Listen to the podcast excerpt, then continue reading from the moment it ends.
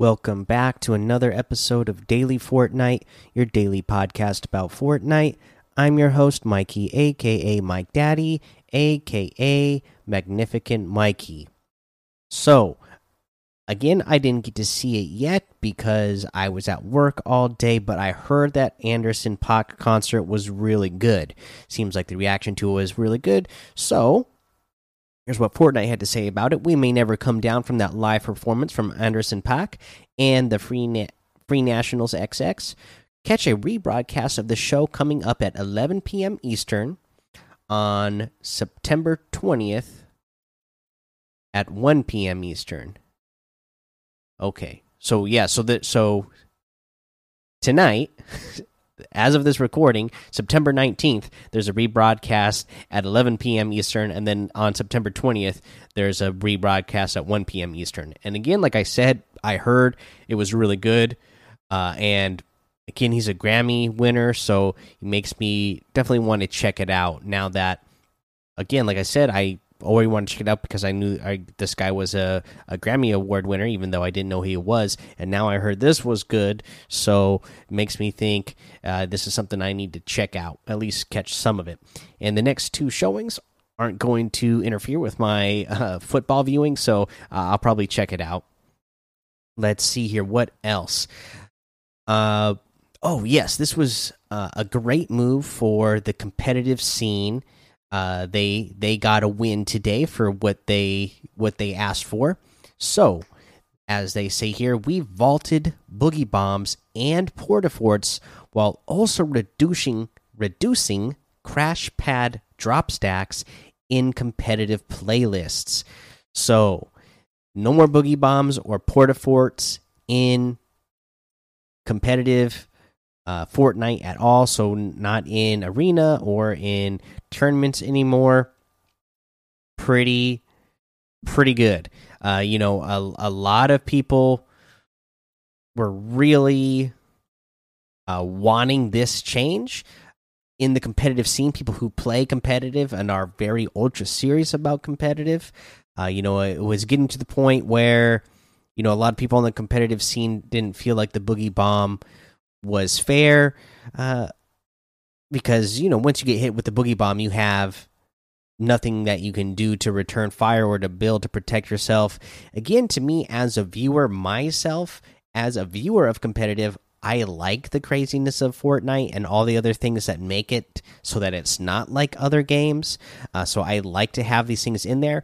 But, you know, if that's really what the competitive scene wants, then I'm happy for them that they got the you know things removed that they want removed and will have a more play style that they prefer to play.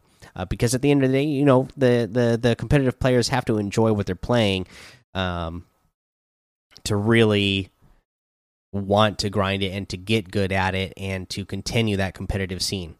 I still, you know, like I said, as a viewer, I I just love that Fortnite is so much different than from any other game that I kind of wish that Fortnite never kind of relented to that and always just went with okay whatever's in the game except for mythic weapons. When they added mythic weapons in when they first added the sword in okay that was too far. But everything else i feel like should be fair game. And you know what? If you get hit with a boogie bomb you get hit with a boogie bomb. Uh let's see here. What else I think that's all I have in news wise today. So let's go ahead and move on to a challenge tip. Let's just go ahead and remind you where the uh, the the collector is, uh, so that you can uh, do the challenge that is destroy collector cases at the collection. So the collection is over on that snow mountain in H six uh, over there, just you know a little bit northeast of Catty Corner. You'll see that little dot there on the on the map, uh, and just go there and land and break the glass cases. And that's super easy to do because it only takes one hit to break them. And remember, there that is a good location to get ammo as well. There's a ton of ammo boxes inside uh, one of the glass cases, so it's always just a good place to go get some extra ammo, anyways. All right, let's go ahead and take a break here. All right, let's go over today's item shop now. We have all those items that we've been talking about the last couple of days the Vanguard Squadron, X Wing, all that Shadow, Shadow Strike pack stuff. So I'm not going to mention all the prices for those again. You can go back and figure it out or just go to the item shop, you'll see. But the new stuff today, we got Captain America outfit back in here with that Proto adamantium shield back bling and harvesting tool. Again i just love that the back bling and the harvesting tool animate so that when you grab the back bling or when you switch to your harvesting tool it actually grabs the back bling off your back if you put them on together. That's really awesome. Captain america here 2000 v bucks for that. Gotta love it. And the grand salute emote for 300 v bucks this is the one where you know you are in a little superhero Captain America pose and the fireworks are going off behind you.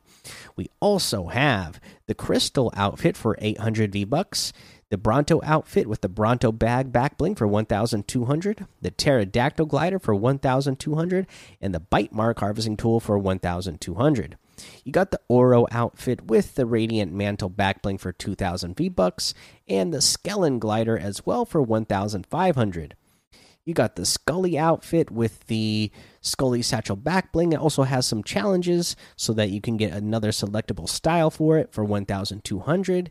You got the Fortnite Classics bundle, which has the Rocky back bling, the chair back bling, the tube top back bling, and the Nomax harvesting tool for 1200. You got the Rollie emote still in here for 500.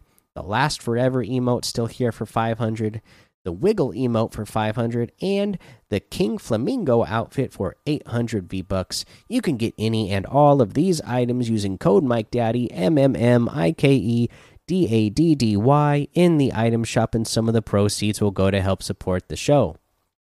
Now, for our tip of the day, and this was something I kind of wanted to remind everybody about, uh, just because I I, I notice I I I forget to do this myself. Uh, I just got, I guess kind of get lazy with uh, how I play sometimes, especially uh, if I end up. Sometimes my skill based matchmaking can be pretty okay for me. Uh, and then all of a sudden it'll ramp back up. And when it ramps back up, I realize, okay, I'm playing up against a lot better players. And I'll notice you know, when I was playing against the less good players, I kind of forget about some things that you should be doing. And this thing that you should be doing all the time is controlling your opponent's box. And what I mean by that is a lot of times what I do when uh, you know, I'm not really thinking, I just go up to somebody's wall and I start trying to break that wall and take over that wall. When there's so many things you can do to uh, make sure that they don't get away. Especially this is something you really got to do when you know you have an opponent weak.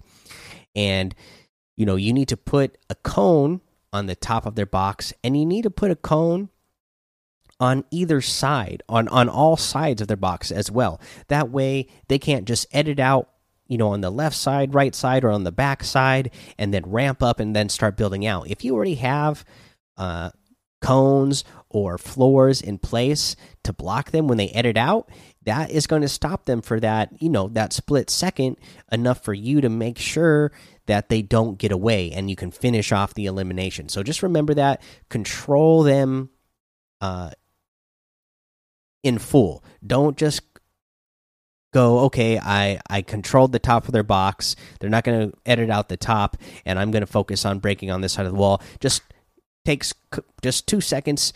You know, build, you know, build a ramp. Make sure you got cones around all sides. That way, they can't easily edit out and build back up and take height over you quickly. This will be something that you know slows them down. At, at, best, even if you aren't able to hit them after they realize that they edited out the side and they built that ramp and the cones in the way, you know, at best case scenario or worst case scenario, they're going to have to box themselves back up again. So they haven't, uh, you know, taken height on you at least. So that is something you uh, want to do to keep yourself in position of power. All right, guys, that's episode for today. Go join the daily Fortnite Discord and hang out with us. Follow me over on Twitch, Twitter, and YouTube. It's Mike Daddy on all of those. Head over to Apple Podcasts, leave a five star rating and a written review for a shout out on the show. Make sure you subscribe so you don't miss an episode. And until next time, have fun, be safe, and don't get lost in the storm.